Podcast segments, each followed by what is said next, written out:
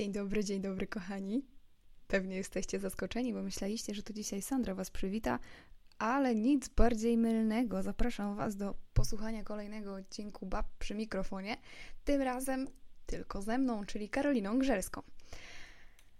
E, jako, że nie ma dzisiaj Sandry, mm, to ona zawsze zaczyna i ma jakieś mądre powiedzenie na początek, ale mam nadzieję, że poradzimy sobie i bez tego. Także przejdźmy od razu do pozdrowienia, bo serdecznie chciałabym pozdrowić naszą wierną fankę Elżbietę. Elka, dziękujemy Ci, że nas słuchasz. Dziękujemy, że yy, możemy umilać Ci czas, że się na to zgadzasz. I mamy nadzieję, że kolejne odcinki będą dla Ciebie równie satysfakcjonujące, co te, które już były. Ok, moi drodzy, jest mi niezmiernie dziwnie prowadzić to samej, bo zawsze jest Sandra, do której mogę się chociaż uśmiechnąć, a teraz siedzę sama, nie mam widowni. No ale trudno, jak trzeba, to trzeba. Mam nadzieję, że nie zwalę niczego z dźwiękiem, bo potem Sandra będzie bardzo niezadowolona. Także pozdrawiam montażystę. I o czym chciałabym Wam dzisiaj opowiedzieć? Sandra raczej nie zgodzi się, żebyśmy zrobiły taki odcinek razem, dlatego wykorzystam tę krótką okazję, tę krótką chwilę, kiedy nie ma jej tutaj i postaram przemycić się Wam trochę wiedzy. Chociaż może nie tyle wiedzy, co sposobu myślenia, może raczej trochę jego zmiany. Zobaczymy, jak mi się uda.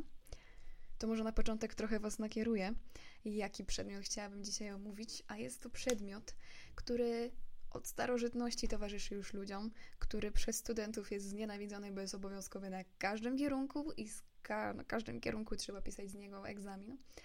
E, no, niektórzy przedstawiają go bardzo przyjaźnie, niektórzy nieco mniej przystępnie. Mam nadzieję, że to, co dzisiaj Wam powiem, będzie i przystępne, i jakieś wartościowe. A otóż chciałabym z Wami dzisiaj porozmawiać o filozofii, czyli o umiłowaniu mądrości. Sama sobie filozofia ma za zadanie zadawać pytania. Czy na pewno, czy dlaczego, czy możemy pewne zdania uważać za aksjomaty, za coś, co jest niepowtarzalne. A jak już za takie uważamy, to dlaczego i czy przypadkiem nie popełniamy błędu, uważając, że to, co nam wydaje się i być może jest potwierdzone, czy na pewno takie jest. No i właśnie od tego chciałabym wyjść, bo możemy wiele mówić o różnych rzeczach, tak samo jak my wiele mówimy w podcastach, ale czym jest prawda? I czy ta prawda jest prawdą jedyną, czy są jeszcze inne prawdy? Klasyk mówi, że prawda jest jak. bo każdy ma swoją. I to prawda, bo definicji prawd mamy wiele. Ja Wam postaram się przedstawić tylko tych kilka i mam nadzieję zmusić Was do refleksji. Ponieważ samo zagadnienie prawdy można by wytłumaczyć, że prawda jest czymś rzeczywistym, czyli zgodnym z rzeczywistością. Prawda jest podobizną rzeczywistości i jej odbiciem, i to właśnie łacińskie przysłowie, które teraz przetłumaczyłam na polski, brzmi: Prawda jest podobizną rzeczywistości jej odbiciem. Ona nie jest rzeczywistością, czyli jest rzeczą już zmienioną, bo tak jak mówi Platon w swojej jaskini, my zaprawdę możemy uważać cienie, ale potem okazuje się, że wychodząc z tej jaskini, mamy zupełnie inny obraz, obraz czegoś prawdziwego, i potem zaczynamy do tego tęsknić. A kiedy mówimy ludziom, że cienie nie są prawdziwe, że istnieje coś więcej, coś bardziej, to wychodzimy na idiotów. I kolejny e, filozof mówi: Ten, kto jest mądrzejszy o godzinę, jest przez cały dzień uważany za głupca. I to jest bardzo prawdziwe. I jeżeli, no, może ciężko będzie tego w życiu doświadczyć, ale na pewno są wśród e, nas ludzie, którzy e, wśród nas mam na myśli społeczeństwo, może niekoniecznie nasi słuchacze, bo raczej kierujemy tutaj nasz podcast do grupy osób, które chcą przy tym odpocząć, ale na pewno są wśród nas w społeczeństwie ludzie, którzy bardzo szybko potrafią przewidywać różne rzeczy, którzy też zajmują się analizą rzeczywistości i oni wiedzą, że coś się stanie, mówią nam o tym, żyją z takim głębokim przekonaniem, a uważany, uważani są za co najmniej ludzi niemądrych. I dopiero później, kiedy rzeczywistość się spełnia, czyli po tej godzinie, ludzie patrzą, że aj, aj, jednak było warto słuchać. Dlatego chciałabym Wam pokazać y, różne koncepcje prawdy i być może powiem Wam, znaczy taki jest plan, y, jedną z ambitnych odpowiedzi, którą zawsze używam, kiedy z kimś się kłócę, tylko proszę nie używajcie jej do wykładowców, osób, które darzycie dużym szacunkiem i przy których macie taką granicę, taką barierę, bo to jest co najmniej nieodpowiednie, także uważajcie na to, komu to powiecie, ale to zaraz. Chciałabym zacząć od koherencyjnej teorii prawdy, czyli prawdy jako zgodności myśli ze sobą. I tutaj nie potrzebujemy wiedzieć, czy to, co właśnie wypowiedzieliśmy, jest takie jak rzeczywiste. My tylko musimy zadbać o to, że ta prawda jest jakąś ciągłością, jakąś logiczną całością. I tutaj mogę zmyślać i stwarzać różne rzeczy, ale to zawsze będzie w ramach jakiegoś konsensusu. I problem w tym postrzeganiu prawdy jest taki, że jeżeli nawet mamy błąd, jeżeli nawet nasze myślenie nie jest dobre, ale z odpowiednią ilością osób dojdziemy do konsensusu, to okazuje się, że to zdanie, że ta prawda jest uznawana za prawdę, nawet jeżeli prawdą nie jest. I to często następuje i łatwo można zobaczyć w momencie, kogo, gdy kogoś się dyskryminuje, że dużo osób zgodziło się na daną prawdę, wkładając jakąś grupę w stereotyp, coś, co prawdopodobnie jest adekwatne do części osób, ale jest zupełną przeciw przeciwieństwem zupełnie innej części. Także y, z tą koherencyjną teorią prawdy jest właśnie taki problem, że nigdy nie wiadomo, czy to, na co się zgadzamy, nawet w dużym gronie, jest prawdą. Następna koncepcja to jest konsensualna, czyli prawda taka, która na mocy przeznaczenia musi być zaakceptowana przez wszystkich badaczy, czyli przez wszystkich ludzi. I teraz, o ile do prawdy koherencyjnej dochodzi się w konsensusie, w konsensusie, przepraszam, yy, i tu, o, możemy powiedzieć tak. Czy wkładając łyżeczkę do szklanki z wodą, łyżeczka nagle się łamie? Czy po prostu to jest złudzenie optyczne? Jeżeli w prawdzie koherencyjnej odpowiednia ilość osób dojdzie do konsensusu, że łyżeczka się złamała, to łyżeczka się złamała, nawet jeżeli pozostała całą. W konsensualnej wszyscy badacze muszą się zgodzić. Badacze dochodzą do, mm, przechodzą przez taki proces odkrywania rzeczywistości, ale on też jest nieskończony i on się cały czas uzupełnia. I tą prawdę oni odkrywają w nieskończoność, bo oni wierzą, że za każdym razem, kiedy przychodzą nowe informacje, mogą zmienić tą prawdę, ale raczej dodając jej tej rzeczywistości, jeszcze bardziej pokazując, jaka ona jest. I tutaj, gdybyśmy chcieli podać przykład, no to właśnie, gdybyśmy mieli opisać łyżeczkę w wodzie, to czy ta łyżeczka jest złamana, jest srebrna, mała, duża i oni będą tą prawdę cały czas uzupełniać o nowe rzeczy. Koherencyjna tego nie mówi. Prawda koherencyjna mówi, że ta łyżeczka jest złamana, bo ta łyżeczka jest w całości. Natomiast konsensualna mówi, że tak, ta łyżeczka się zmienia. I ja wiem, że trochę zaczynam przynudzać, dlatego chcę, żeby to było szybkie, ale żebyście też zobaczyli, jak to działa w rzeczywistości. Jest też taka yy, definicja prawdy, która mówi, że prawda jest oczywista, że nie musimy do niej jakoś specjalnie dochodzić, bo wszystko umujemy prosto, jasno i wyraźnie. Ale to, co dla nas jest proste, jasne i wyraźne, nie zawsze musi być takie dla innych. Jest jeszcze ostatnia koncepcja, o której chciałabym Wam powiedzieć, czyli prawda pragmatyczna. I z tą się wiąże anegdota.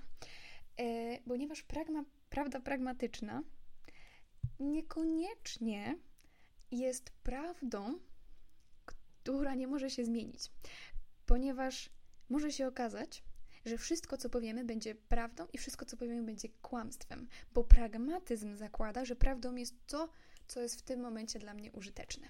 No i tu wchodzi moment, w którym możecie zagiąć zawsze swojego rozmówcę, tudzież osobę, z którą się kłócicie. Otóż, yy, możecie powiedzieć mu w ten sposób. Drogi mój człowieku, zgadzam się z Tobą w tym punkcie. Tutaj wymieniacie, o co się kłócicie. Ale zgodnie z koncepcją prawdy pragmatycznej, niezależnie co teraz powiem, zostanie uznane przez Ciebie za prawdę lub za kłamstwo, także nie ma sensu z Tobą dalej rozmawiać. I w tym momencie zazwyczaj tak, ludzie albo reagują mm, zdenerwowaniem, bo nie wiedzą o czym mówicie, albo reagują tak, że czują się pociśnięci, ale nie potrafią to odpowiedzieć. Chyba, że natrafiacie na osobę, która się filozofią interesuje, no i w tym momencie zaczyna się problem. No bo tutaj on może z wami polemizować. Także mm, musicie uważać na tym, yy, ale można zagiąć właśnie takim tekstem, że proszę Państwa, zgodnie z koncepcją prawdy pragmatycznej, oto się na wykładach by cudownie sprawdzało. Albo na egzaminie, gdybyście napisali, że zgodnie z koncepcją prawdy pragmatycznej, niezależnie co napiszę na egzaminie, może być potraktowane jako moją część zaliczenia, bądź jako nieprawdę, czyli egzamin przeze mnie niezdany. Nie robimy tak, naprawdę, bo to wykracza poza, poza pewien poziom kultury. E, chociaż gdybyście napisali tak na filozofii, myślę, że byłby plus jeden, natomiast minus jeden czy nawet dwa za brak kultury. Ale wprowadziłam nas tak szybko przez tę koncepcję, bo chciałam, żebyście zobaczyli y, taką małą różnicę między tym, jak postrzegamy prawdę. Uważam, że mamy problem teraz po pierwsze A z prawdą, a B jesteśmy czasie dekadentyzmu. Mamy dobrze. Jesteśmy w Europie. Mówimy w podcaście po, po polsku, więc e, no, nasza widownia jest dość ograniczona. Mamy z tym problem, bo nam się żyje dobrze. I ktoś nam powie że zaraz, że a w Polsce nie jest wcale tak najlepiej, że można tyle rzeczy zmienić. Tak, jasne i oczywiście. Ale kochani, nam się naprawdę żyje dobrze. Mamy bieżącą wodę, mamy prąd, możemy się uczyć, możemy zarabiać, możemy rozwijać swoje pasje. Żyjemy w kraju, który jest wolny, w którym możemy się wypowiadać, w którym możemy tworzyć, w którym możemy doświadczać sztuki, z którego możemy podróżować, który ma całkiem dobre relacje z innymi, z innymi państwami, który jest całkiem bogaty, który może pomagać innym, który daje nam możliwości, może tego nie doceniamy i może warto by było to kiedyś pokazać na kontraście. I ja nie mówię teraz, że nam się żyje tak dobrze i że teraz to jest już szczyt nasz, bo osiedlibyśmy na laurach i nie chcielibyśmy rozwijać się dalej, ale warto zobaczyć naprawdę, ile mamy szczęścia, że możemy w takim kraju mieszkać, w tak y, cywilizowanym kraju i tak rozwiniętym. I problem nasz polega na tym, że właśnie mamy dużo rzeczy i zaczynamy wpadać w taki dekadentyzm, że mamy wiele, nie do końca wiemy, czego jeszcze byśmy chcieli, bo jeżeli brakuje nam podstawowych rzeczy, to dążymy yy, do tych podstawowych, a potem do wyższych i do wyższych i do wyższych. Ale skoro ja od dziecka zapewnione mam wszystkie moje podstawowe potrzeby, skoro od dziecka zapewnione mam wszystkie moje wyższe potrzeby, no to właśnie problem polega na tym, że nie wiadomo, ile ja będę w stanie to docenić, w jakim stopniu i czy w pewnym momencie nie stwierdzę, że hmm, no właśnie, skoro mi już nic nie potrzeba, to po co ja tu jestem? To jest problem nasz aktualnie. Yy, I też chciałam powiedzieć o tym, że dostarczamy i my, sami jako zwykli odbiorcy i media, masę informacji to, ile dziennie można przeczytać nowych artykułów tylko po polsku, już nie mówiąc o zagranicznych, gdzie no, angielski jest wszechdostępny, gdzie mamy artykuły, dostęp do artykułów y, z prawie każdego państwa w Europie. Nie no, z każdego państwa w Europie. Y, I gdzie te artykuły po prostu nawet nie wykupując, możemy przeczytać, co myśli opinia publiczna tam, a tam, jak y, ludzie reagują na pewne sytuacje. Prosty przykład: katastrofa, która miała miejsce w Iranie, y, gdzie rozbił się samolot pasażerski ukraińskich linii lotniczych. Ja, robiąc y, prasówkę swoją własną, miałam dostęp do źródeł z dziesięciu różnych krajów, i dopiero po przeczytaniu tego potrafiłam zbudować sobie obraz prawdy, bo mamy problem z tym, nie, że tych informacji nawet yy, jest tak dużo, ale one są przedstawiane w zupełnie innym kontekście. Zadaniem dziennikarza dzisiaj jest nie tylko podanie informacji, ale również umieszczenie go w kontekście. Bo co z tego, że ja powiem, mm, że mm, premier e, Rosji e, ustąpił ze swojego stanowiska. To absolutnie nie ma takiego samego wydźwięku, jak od razu dodam powody, dlaczego on to zrobił i wytłumaczę, co to oznacza w przyszłości, co to oznacza dla stosunków międzynarodowych, co to będzie oznaczało dla całego społeczeństwa i dla samej Rosji. Właśnie to jest problem nasz dzisiaj, że my możemy mieć dostęp do informacji, możemy wiele wiedzieć, możemy czytać z tego samego źródła i w podobnym kontekście, albo odbierać właśnie tą te informacje przez pryzmat tego, co już wiemy, przez pryzmat naszej prawdy, która gdzieś została w nas ukształtowana, ale nie do końca musimy mieć pełen obraz. I pewnie nigdy pełnego obrazu nie będziemy mieli, no bo zawsze patrzymy przez jakąś kalkę. I to jest no nie tyle problem, co też piękno naszej różnorodności, bo e, potem okazuje się, że dzięki sztuce możemy zobaczyć wrażliwość innych ludzi, a oni pokazują nam prawdę bo sztuka przekazuje nam jakąś prawdę, yy, którą ktoś miał w sobie i chciał ją przekazać, jakąś wartość. Chociaż zaraz pewnie ktoś powie, że sztuka nie musi być wartościowa, ona po prostu ma być sztuką i ma coś przedstawiać. Z tym nie będę się kłócić, ponieważ jak widzicie, dla mnie sztuka pokazuje prawdę. I teraz yy, fajnie jest, kiedy mamy swoje jakieś przekonania, ale dobrze jest raz na jakiś czas stanąć z boku, popatrzeć z innej perspektywy i przez inny pryzmat prawdy. Myślę, że nie zdaję sobie sprawy, ja sama, ile razy dziennie, ile razy w tygodniu patrzę przez pryzmat mojej własnej prawdy. I nie dystansuję się do tego, co słyszę, co widzę, co myślę, tylko cały czas tą rzeczywistość postrzegam przez tą jedną, jakąś konkretną, wybraną i pewnie pragmatyczną koncepcję, bo to po prostu jest łatwiejsze. I nie chcę Wam mówić, że nie mamy postrzegać e, świata przez pryzmat jednej prawdy, bo to jest dla nas łatwiejsze o tyle, że nie możemy cały czas chodzić na najwyższych obrotach, bo nie po to jest życie. Mm, nie mamy się przemęczać, nie mamy się yy, rozmyślać na śmierć wręcz, yy, czy to, co on powiedział, jest jakimś aksjomatem, czy może jest pytaniem, czy może jest metaforą. Chodzi mi o to, że myśląc o czymś e, ważnym, szczególnie, bo o tych prostych rzeczach to myślę, że możemy raz na jakiś czas po prostu zapomnieć, ale myśląc o tych ważnych rzeczach, o tych najważniejszych, o wartościach, e, o tym, jakie decyzje podejmujemy, które będą miały wpływ na przyszłość, powinniśmy spojrzeć z różnej perspektywy prawdy.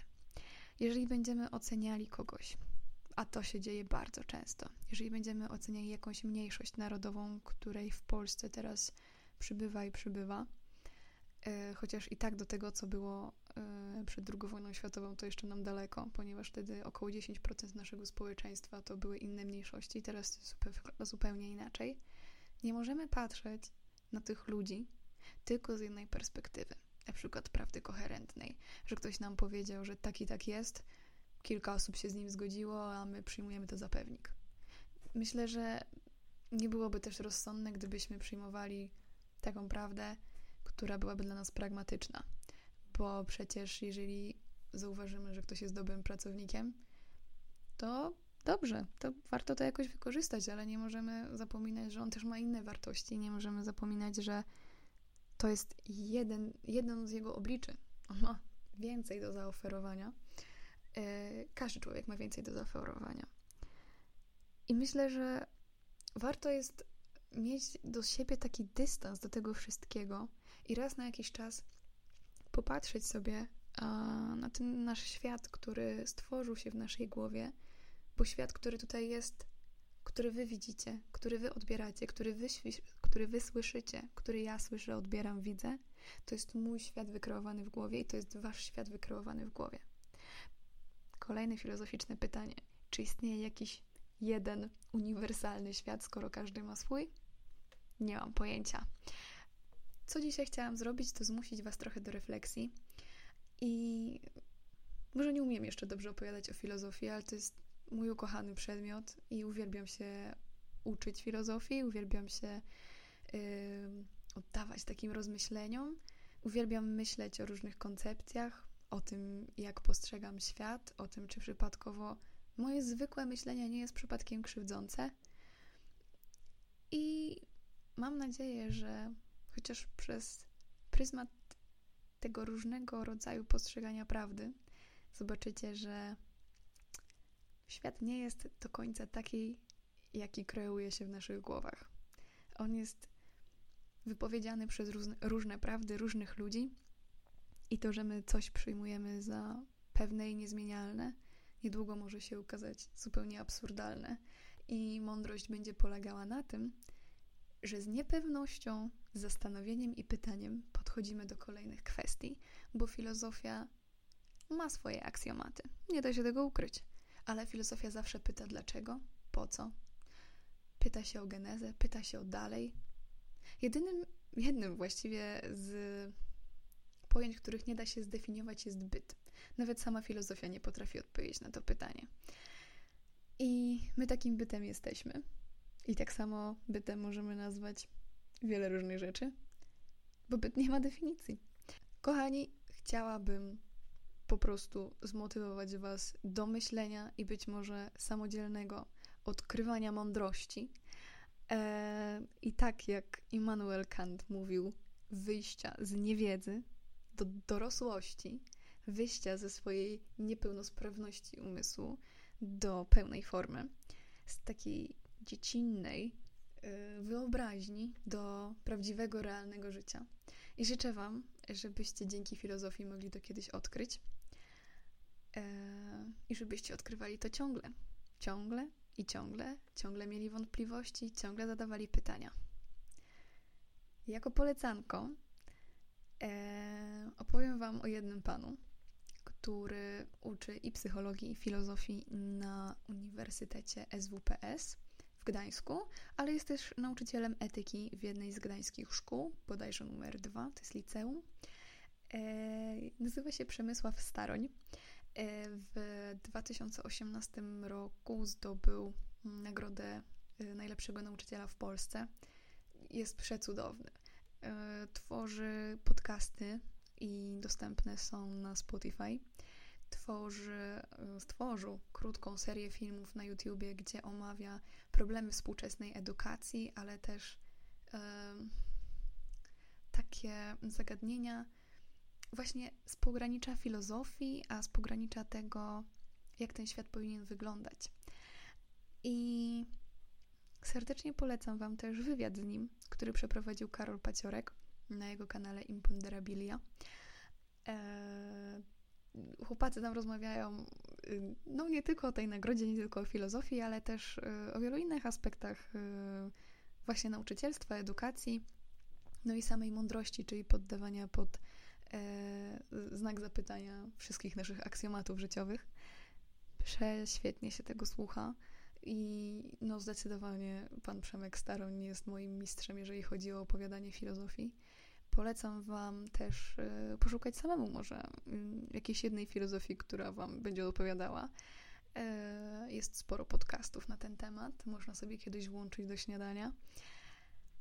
I moi kochani, Zapraszam Was, żebyście y, odwiedzali baby na Instagramie, na Facebooku, żebyście śledzili y, to, co się dzieje u nas na kanałach, na Spotify, na Google Podcast, no i oczywiście na tej wersji Apple'owej.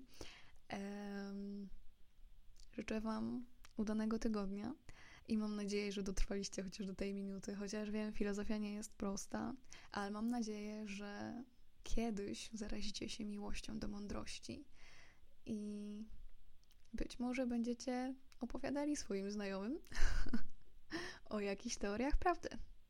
A być może zaskoczycie kiedyś swojego prowadzącego, mam nadzieję, że nie prowadzącego, tylko osobę, z którą się kłócicie, tekstem typu według pragmatycznej koncepcji prawdy, wszystko co powiem może być uważane za prawdę lub za kłamstwo, więc nie ma dalszego sensu dyskutowania na ten temat. Drodzy Państwo, serdecznie pozdrawiam i zachęcam do słuchania nas już w następnym odcinku, a w następnym odcinku już za tydzień powita Was Sandra Wawrzyniak. Dziękuję i miłego dnia.